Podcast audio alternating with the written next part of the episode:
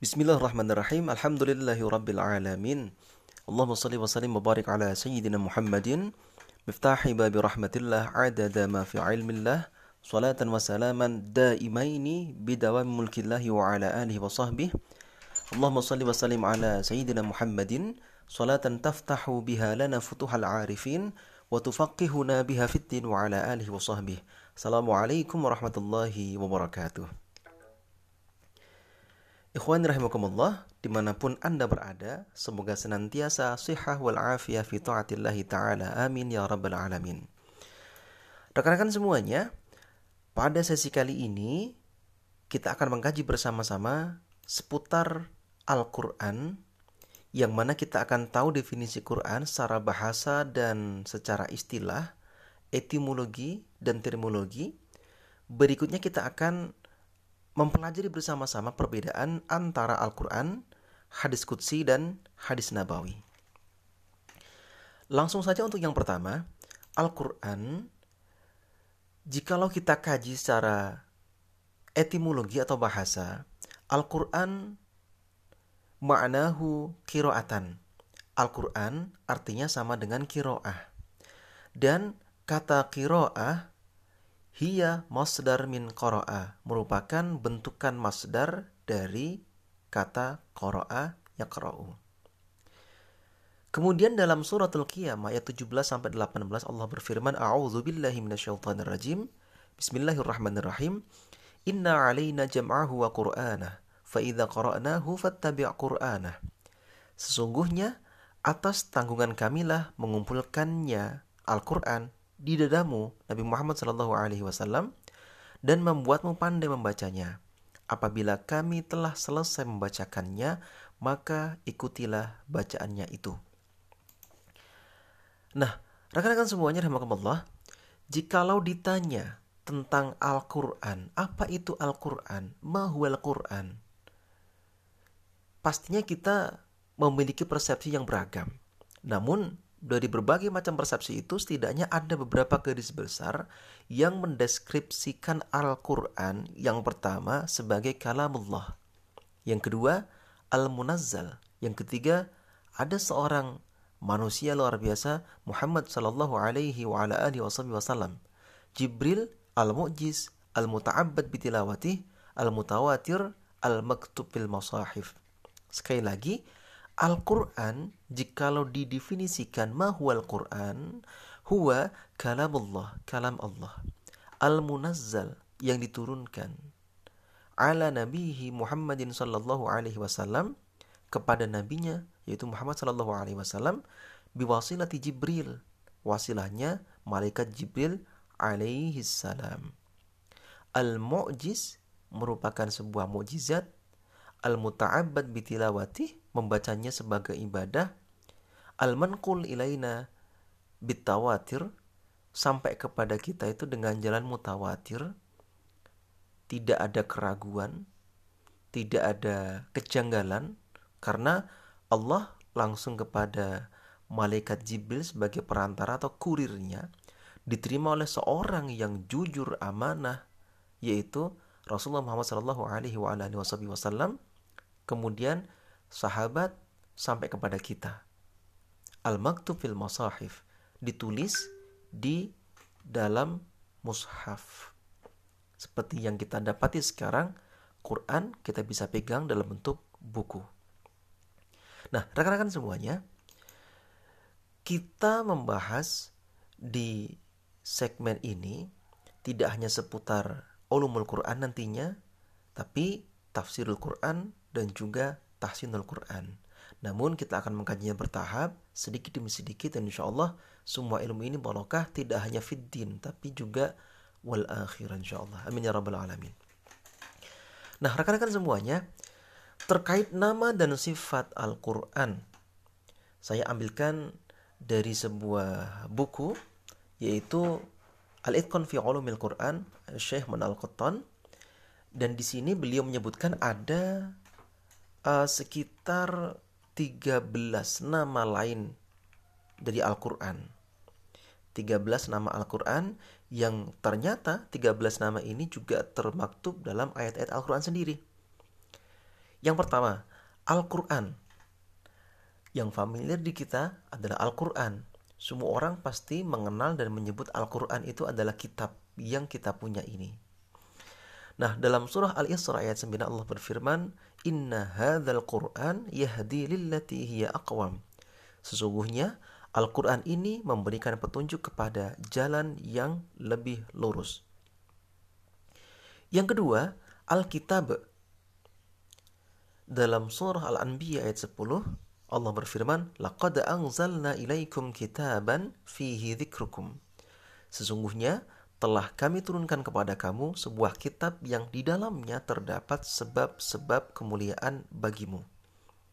Yang ketiga, Al-Furqan dalam surat Al-Furqan ayat pertama, Tabarakalladzi nazzala al-furqana ala 'abdihi liyakuna lil 'alamina nadhira.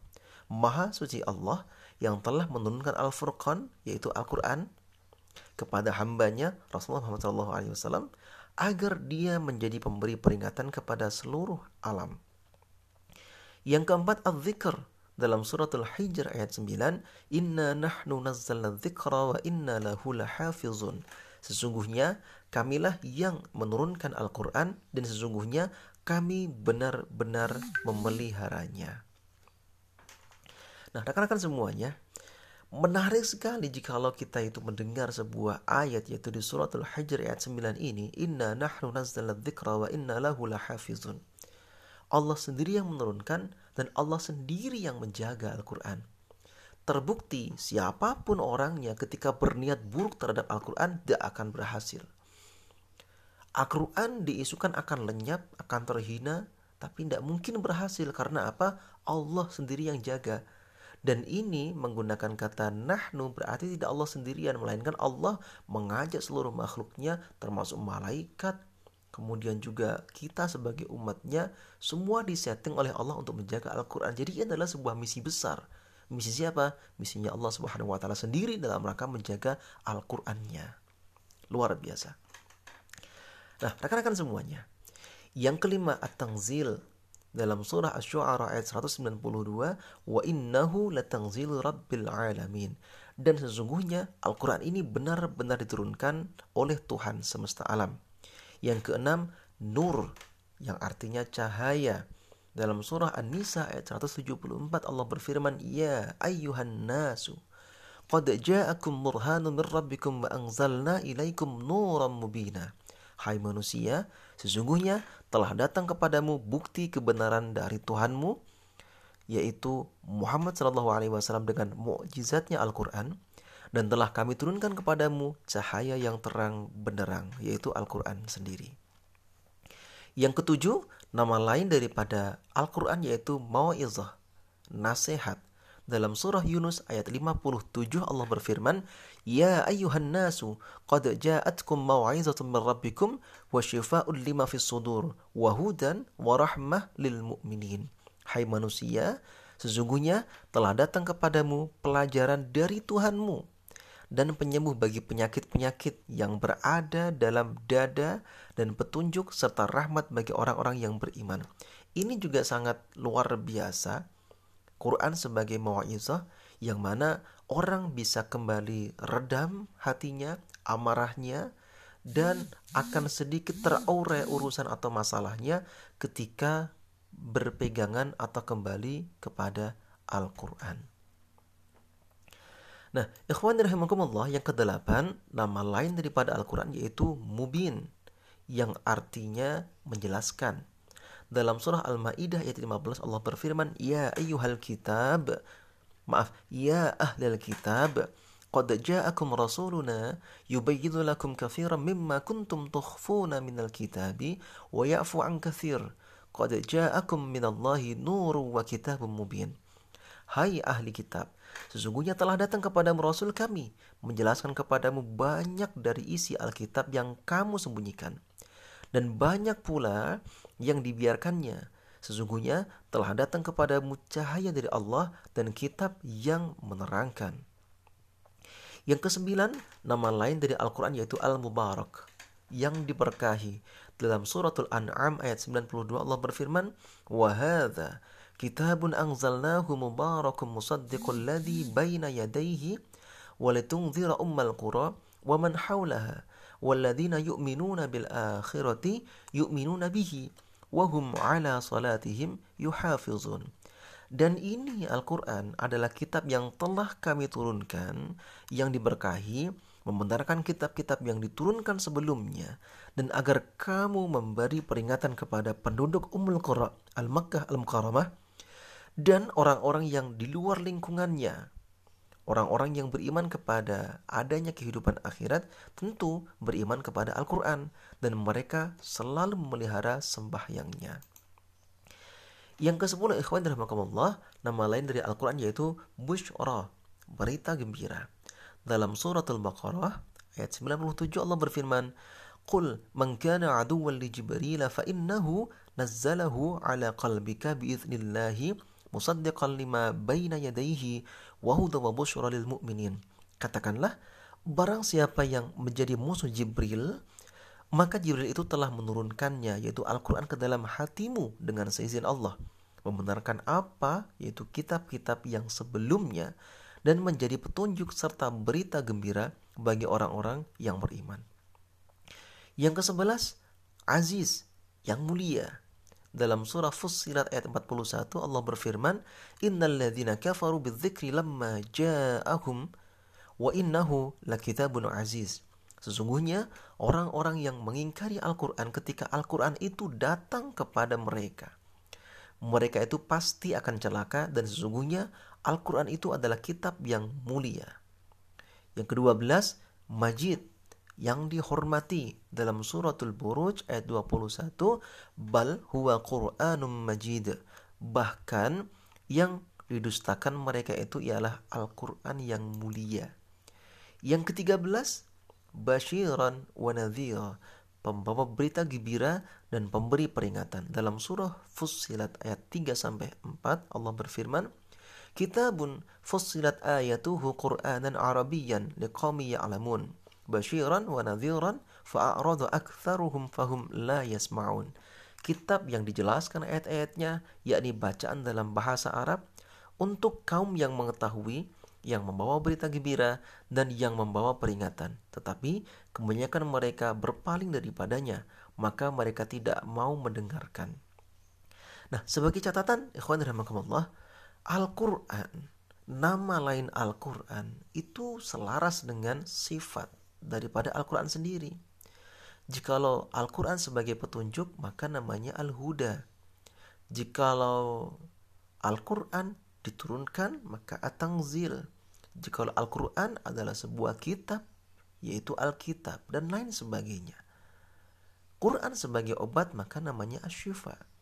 Makanya jikalau panjenengan mencoba untuk mengkaji dalam referensi lain, mendapatkan buku lain, dan di situ terdapat nama-nama Quran yang lebih dari yang saya sebutkan tadi, itu adalah kekayaan Al-Quran. Dan semua nama itu terkoneksi ataupun juga terintegrasi sama dengan sifat Al-Quran yang bisa kita rasakan manfaatnya fit jin wa dunya wal akhirah. Nah, ikhwan Allah. Itu adalah nama-nama Al-Quran Berikutnya kita akan kaji bersama-sama perbedaan antara Al-Quran, hadis Qudsi, dan hadis Nabawi. Apa bedanya? Apakah ini penting? Sangat penting. Karena terkadang orang itu tidak bisa membedakan mana Quran, hadis Qudsi, dan hadis Nabawi. Menganggapnya sama karena sama-sama ini dari Rasulullah dan Allah Subhanahu wa taala. Namun ada hal-hal yang bisa kita uh, jadikan sebagai pedoman sehingga tidak salah untuk pemakaian ketiganya ini. Al-Quran, hadits kutsi meskipun sama-sama dari Allah Subhanahu wa taala, namun mengapa ketika sholat kita hanya boleh membaca Al-Quran, namun kita tidak boleh membaca hadis kutsi, apalagi hadis. Namun selain daripada ibadah sholat, kita boleh mengkajinya. Dan mengapa Al-Quran itu benar ibadah, sementara hadis kutsi dan hadis nabawi kalau kita baca itu sama seperti halnya membaca yang lainnya. Ikhwanirahmatullah Itu adalah salah satu jawaban mengapa ketika kita sholat harus membaca ayat Al-Quran dan tidak boleh selain bacaan Al-Quran. Kecuali doa-doa yang kita panjatkan. Nah, ikhwan Allah, untuk perbedaan ketiganya, pertama Al-Quran. Sebagaimana yang saya jelaskan di awal, yaitu kalamullah al-munazzal ala nabihi Muhammadin sallallahu alaihi wasallam, al-mu'jiz, al-muta'abbad bitilawatih, al-manqul ilayna bitawatir, al-maktub fil masahif. Ini adalah definisi dari Al-Quran. Kemudian hadis qudsi, ma huwal hadithul qudsi? Huwa wahyun minallahi ta'ala. Itu adalah wahyu dari Allah Subhanahu wa taala sama dengan Al-Qur'an. Linabihi sallallahu alaihi wasallam sama nabinya. Alladzi la yantiqu 'anil hawa. Nabi sendiri tidak punya keinginan sebenarnya untuk menyampaikan itu, namun beliau hanyalah sebagai perantara. In huwa illa wahyu yuha itu hadis kutsi merupakan wahyu yang diturunkan atau diwahyukan. Ikhwan Allah. Ada perbedaan pendapat ulama tentang hadis kutsi ini. Waqad ikhtalafan nas fil hadithil kutsi. Apa perbedaannya dan di mana perbedaan mereka? Hal lafzuhu wa ma'nahu minallahi ta'ala. Pertama, apakah lafat dan maknanya dari Allah? Yang kedua, am inna ma'nahu minallahi wa lafzuhu min rasulih sallallahu alaihi wasallam. Yang kedua itu yang berpendapat maknanya dari Allah namun lafadznya dari Rasulullah begitu SAW. Fakhtara ba'duhum anna al-hadith al-qudsi wa ma'nahu muhan minallahi ta'ala. Sebagian daripada mereka menyepakati bahwasannya lafat dan maknanya itu keduanya dari Allah Subhanahu wa taala. Nabi Muhammad SAW sebagai perantara saja. Nah, ikhwan rahmakumullah. Yang ketiga al-hadis atau al-hadisun nabawi. Lebih mudahnya kita menyebut hadis. Mahwal hadis lugatan al-jadid. Secara bahasa hadis dimaknai sesuatu yang baru. Jamanya adalah ahadis. Kemudian secara terminologi atau istilah ma udhifa ila Nabi sallallahu alaihi wasallam segala sesuatu yang disandarkan kepada Rasulullah sallallahu alaihi wasallam min qaulin perkataan au fi'lin perbuatan au taqririn ketetapan au sifatin sifat beliau. Jadi semua apa pun itu yang datangnya dari Rasulullah Muhammad sallallahu alaihi wasallam adalah hadis. Sehingga ketika kita membahas seputar hadis, maka ribuan hadis banyak luar biasa dan itu pun ada makomnya derajatnya dari ada yang sahih, hasan, hingga berikut-berikutnya. Oleh karena itu, ikhwanin Allah, kita harus jadikan Quran sebagai sumber primer yang pertama, yang kedua hadis sebagai penjelasnya. Kemudian ijma ulama kias dalam memecahkan masalah dengan analogi. Nah, ikhwan Allah, demikian sedikit penjelasan singkat seputar Al-Quran beserta perbedaannya dengan hadis kutsi, hadis nabawi, Berikut juga ada nama-nama selain Al-Quran sendiri yang bisa kita tahu dari sesi ini. Semoga barokah manfaat. Jazakumullah khairan kathiran walafu minkum. Wassalamualaikum warahmatullahi wabarakatuh. Bismillahirrahmanirrahim. Assalamualaikum warahmatullahi wabarakatuh. Bismillah walhamdulillah wala hawla wala quwata illa billah. Allahumma salli wa sallim ala sayyidina Muhammadin wa ala alihi wa ashabihi ajma'in amma ba'd. Rekan-rekan semuanya di mana pun berada, semoga senantiasa sehat walafiat dalam lindungan Allah Subhanahu wa Ta'ala. Amin ya Rabbal 'Alamin. Nah, rekan-rekan semuanya, pada sesi kali ini kita akan mengkaji bersama-sama seputar ayat dan surat dalam Al-Quran. Yang mana nanti kita akan tahu bersama apa itu nasikh, mansuh, kemudian makiyah, madaniyah, muhkamat, dan mutasyabihat. Yang mana ilmu-ilmu tersebut sangat penting kita pelajari untuk uh, kita jadikan sebagai dasar memahami isi Al-Quran secara lebih kompleks. Nah, rekan-rekan semuanya, langsung saja kita akan kaji di bab yang pertama tentang nasikh dan mansuh. Dalam hal ini, saya mengambil salah satu ayat dalam Al-Quran, yaitu surah Al-Baqarah 106, Allah berfirman, A'udzu billahi rajim Bismillahirrahmanirrahim. Ma nansakh min ayatin aw nunsiha na'ti bi khairin minha aw mithliha. Alam ta'lam anna Allah ala kulli syai'in qadir. Ayat mana saja yang kami nasahkan.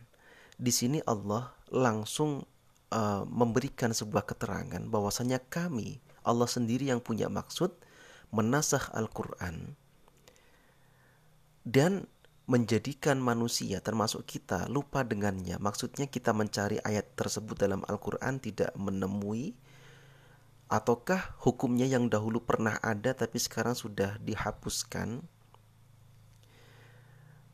Maka dalam hal ini Allah punya tujuan na'ti bi khairin minha au mitliha. Allah akan datangkan yang lebih baik daripadanya atau minimal itu sebanding dengannya. Alam ta'lam annallaha ala kulli syai'in qadir. Tiadakah kamu mengetahui bahwa sungguhnya Allah Maha Kuasa atas segala sesuatu? Nah, rekan-rekan semuanya, nasikh dan mansuh ini kalau kita kaji secara bahasa min kalimati nasakhoyan suhu menghapus, menghilangkan. Nasikh itu fa'ilnya dan mansuh itu adalah maf'ulnya. Sehingga ayat yang menghapus hukum atau ayat sebelumnya itu disebut sebagai nasikh dan ayat yang dihapus atau yang terhapus hukumnya atau digantikan hukumnya dengan hukum yang baru itu disebut sebagai ayat mansuh. Sehingga kalau kita definisikan, nasih itu bermakna mengangkat atau menghapuskan hukum syariah dengan dalil hukum syariah yang lain, sedangkan mansuh itu hukum yang diangkat atau dihapuskan. Nah, rekan-rekan semuanya, untuk lebih jelasnya langsung saja kita ambil salah satu contoh yaitu tentang pengharaman khamr. Anda tahu khamr? Khamr itu dimanai uh, sebuah minuman atau sejenisnya yang memiliki unsur sifat memabukkan itu adalah khamr. Namun kalau kita kiaskan tidak harus khamr itu berbentuk minuman cair begitu, tapi semua hal yang memabukkan termasuk narkoba, ekstasi, kemudian sabu, uh, tembakau gorila dan sejenisnya, lem fox begitu ketika punya unsur memabukkan, maka itu juga masuk kategori khamr. Nah, rekan-rekan semuanya, dalam Al-Qur'an ternyata pengharaman khamr ini memiliki beberapa tahapan. Tidak serta-merta Allah turunkan ayat Al-Qur'an kemudian khamr itu diharamkan. Namun ada beberapa tahapan Jikalau kita telusur, maka akan menemui ayat pertama yang diturunkan yaitu surah An-Nahl ayat 67 Allah berfirman, "Wa min thamaratin nakhili wal a'nabi tattakhiduna minhu sakaran wa rizqan hasanan. Inna fi dzalika laayatan liqaumi yaqilun." Dan dari buah kurma dan anggur kamu buat minuman yang memabukkan dan rizki yang baik sesungguhnya pada yang demikian itu benar-benar terdapat tanda kebesaran Allah bagi orang-orang yang memikirkan. Dalam hal ini kita mengambil sebuah garis besar bahwasanya Allah itu menciptakan tumbuhan di antaranya kurma dan anggur itu uh, diciptakan sebagai fasilitas untuk manusia. Bisa dijadikan minuman di antaranya minuman yang mengandung alkohol atau memabukkan Selain itu pun juga bisa dijadikan sebagai sumber rezeki karena bisa dijual belikan. Dalam ayat ini sama sekali kita tidak menemukan pengharaman khomer. Ya, ayat ini menjelaskan bahwasannya kurma, anggur dan semua fasilitas untuk manusia berupa makhluk hidup selain manusia, entah itu tumbuhan ataupun hewan, itu statusnya adalah mubah dimanfaatkan oleh manusia. Kemudian rekan-rekan semuanya, setelah itu turun ayat yang kedua yaitu di surah Al-Baqarah ayat 219 Allah berfirman, "Yas'alunaka 'anil khamri wal maisir. Qul ma ithmun kabir wa manafi'u lin-nas wa ithmuhuma akbaru min naf'ihima." Mereka bertanya kepada Muhammad sallallahu alaihi wasallam tentang khamr dan judi. Katakanlah, pada keduanya terdapat dosa besar dan beberapa manfaat bagi manusia, tetapi dosa keduanya lebih besar dari manfaatnya. Nah, rekan-rekan semuanya, dalam hal ini sudah muncul hukum tentang khomer dan judi. Kala itu Rasulullah ditanya, kemudian Nabi ketika menjawab itu berdasarkan perintah atau petunjuk Allah Subhanahu wa taala. Dalam hal ini tentang khomer dan judi itu Allah memberikan sebuah jawaban bahwasannya di situ ada beberapa manfaat. Tapi dosa besarnya itu lebih banyak. Sehingga ini adalah sebuah statement Allah untuk menantang manusia agar manusia itu berpikir. Jikalau dia sehat, dia waras, maka dia akan mengambil madorot yang lebih kecil. Jikalau tahu dosa besarnya banyak, gak ada manfaatnya, untuk apa dilakukan? Oleh karena itu, ayat ini mengajak kita untuk berpikir kritis dan menjauhi yang namanya khamer dan juga berjudi. Karena meskipun ada manfaatnya, tapi dosa besarnya lebih banyak. Kemudian kalau ditanya, Pak emang dosa besarnya apa? Sudah jelas ya, itu banyak madorotnya. Dan gara-gara minum khamr ataupun judi bisa menjadikan kacau balau keadaannya. Kemudian kalau ditanya tentang manfaatnya apa? Emang judi ada manfaatnya? Ada. Misalnya judi itu bisa memperkuat kerukunan begitu ya, kumpul-kumpul malam begitu misal. Namun sekali lagi dalam ayat ini ismuhuma akbaru min naf'ihima. Dosa besarnya lebih banyak dari manfaatnya. Oleh karena itu Allah minta kita untuk mikir kalau tahu itu nggak ada manfaatnya mending jauhi. Nah ayat ini kalau kita simpulkan dikaitkan dengan hukum taklifi maka ini masuk kategori makruh. Kalau melakukan itu nggak dosa, eh, maaf kalau melakukan benar ya itu nggak dosa. Kalau meninggalkan itu mendapatkan pahala. Nah rekan-rekan semuanya ayat ini sekaligus menasah ayat sebelumnya. Ini menjadi nasihnya kemudian ayat yang tadi saya bacakan di awal itu mansuh. Artinya apa? Hukum yang sebelumnya itu statusnya mubah tapi di sini sudah naik level menjadi makruh. Nah perlu diketahui bersama-sama rekan-rekan nah berikutnya yang ketiga di sini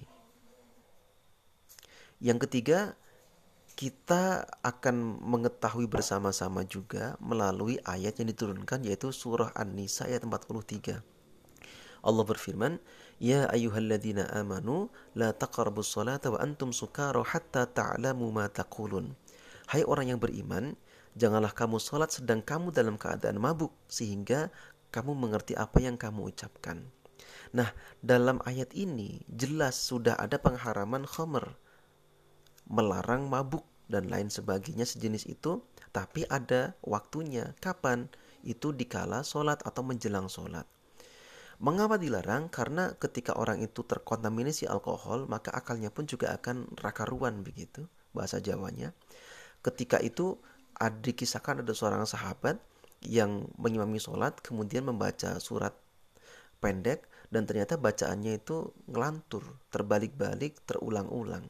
Padahal biasanya tidak begitu. Nah, ini diketahui dan ternyata itu akibat dari kontaminasi alkohol. Sehingga wajar jika kalau kita menemui seorang yang sedang mabuk, dia ngomongnya ngelantur dan dia nggak paham apa yang dia katakan. Nah, rekan-rekan semuanya, di sini jelas bahwasannya la taqrabus sholat wa antum sukara. Tidak boleh sholat sedang dalam keadaan mabuk hatta ta'alamu ma taqulun. Sehingga paham, mengerti apa yang diucapkan. Oleh karena itu, khomer waktu ini dilarang ketika hendak sholat atau saat sholat itu dilarang dalam keadaan mabuk. Namun selain itu misalkan di tengah malam, kemudian ada acara-acara, mungkin masih juga ada yang minum khamr. Oleh karena itu, pengharaman di sini statusnya adalah pengharaman terbatas, yaitu di waktu sholat. Nah berikutnya ada ayat terakhir yang diturunkan tentang khamr ini yaitu di surah Al-Ma'idah ayat 90. Allah berfirman, "Ya ayyuhalladzina amanu, innamal khamru wal maisiru wal ansabu wal azlamu rijsun min amali syaitan, fajtanibuhu la'allakum tuflihun." Hai orang yang beriman, innamal khamru sungguhnya khamr wal maisir judi wal ansab berkorban untuk berhala wal azlam mengundi nasib dengan anak panah rijsun min amali syaitan itu adalah perbuatan syaitan fajtanibuhu la'allakum tuflihun jauhilah maka engkau akan mendapatkan keberuntungan. Jelas di sini min amali syaitan fajtanibuhu. Maka melanggar itu statusnya mendapatkan dosa karena mutlak di sini khamr diharamkan. Nah, ayat ini otomatis menjadi nasih atau menghapuskan hukum atau ayat sebelum-sebelumnya. Oleh karena itu, inilah salah satu contoh tentang nasih mansuh dalam Al-Quran. Sehingga kita mengetahui tentang kronologi syariah dan kita ketika mengambil hikmah dari syariah dalam Al-Quran tidak salah. Tidak terbalik karena sudah memahami ilmu nasih dan mansuh. Sekali lagi, nasih adalah ayat yang menghapuskan, mansuh itu adalah ayat yang dihapuskan. Nah, rekan-rekan semuanya, berikutnya kita akan kaji bersama tentang muhkamat dan mutasyabihat. Min kalimati hakama yahkumu dan tasyabaha yatasyabahu. Anda pasti mengenal istilah hakim. Hakim itu adalah seorang yang menetapkan hukum. Maksudnya, muhkam di sini dimain dengan yang dikokohkan. Kemudian mutasyabihat itu memiliki kesamaan dengan arti mutamathilah, menyerupai. Maksudnya apa? Ayat muhkamat adalah ayat yang jelas hukumnya, sedangkan ayat mutasyabihat ayat yang memiliki keserupaan makna dengan ayat yang lainnya atau satu ayat yang memiliki multi tafsir karena bisa jadi penafsirannya itu berbeda-beda. Nah, rekan-rekan semuanya, lebih mudahnya kita akan bandingkan antara muhkamat dan mutasyabihat. Muhkamat itu lebih mudahnya ketika kita baca Quran langsung paham maksudnya. Tapi mutasyabihat hanya diketahui maknanya oleh Allah Subhanahu wa taala. Muhkamat hanya mengandung satu segi, sedangkan mutasyabihat mengandung banyak segi atau multi tafsir. Muhkamat maksudnya dapat diketahui langsung, sedangkan mutasyabihat memerlukan penjelasan dengan merujuk ayat-ayat lainnya. Nah dalam Al-Quran memang Allah ciptakan itu ada sebagian muhkamat, ada sebagian mutasyabihat. Tujuannya apa? Ya biar manusia itu termotivasi untuk selalu mengkaji Al-Quran karena Quran ini adalah sebuah kode etik ya bahasanya sebuah rumusan dan itu perlu dikaji untuk mendapatkan ilmu atau isi kandungan yang sebenarnya dari ayat-ayat Al-Quran. Nah berikutnya rekan-rekan semuanya tentang makiyah dan madaniyah. Secara bahasa, kita serap saja ini makiyah dari kota Makkah Al-Mukarramah. Madaniyah min kalimati uh, yaitu Madinah Al-Munawwarah. Sehingga rekan-rekan semuanya mudahnya kalau kita memaknai makiyah dan madaniyah. Makiyah itu adalah ayat yang diturunkan di kota Makkah dan sekitarnya. Madaniyah ayat yang diturunkan di kota Madinah dan sekitarnya.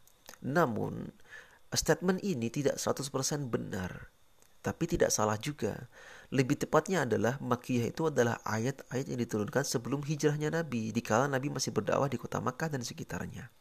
Sementara Madaniyah adalah ayat-ayat yang diturunkan setelah hijrah, ketika Nabi berdakwah di Madinah dan sekitarnya.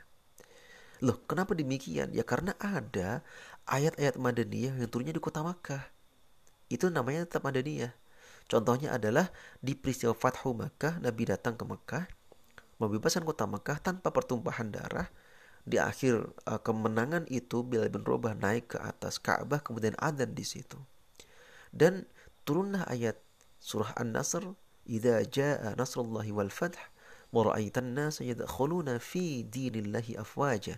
Fasabbih bihamdi rabbika wastaghfirhu innahu kana tawwaba. Ini ayat Madaniyah, tapi turunnya di kota Makkah.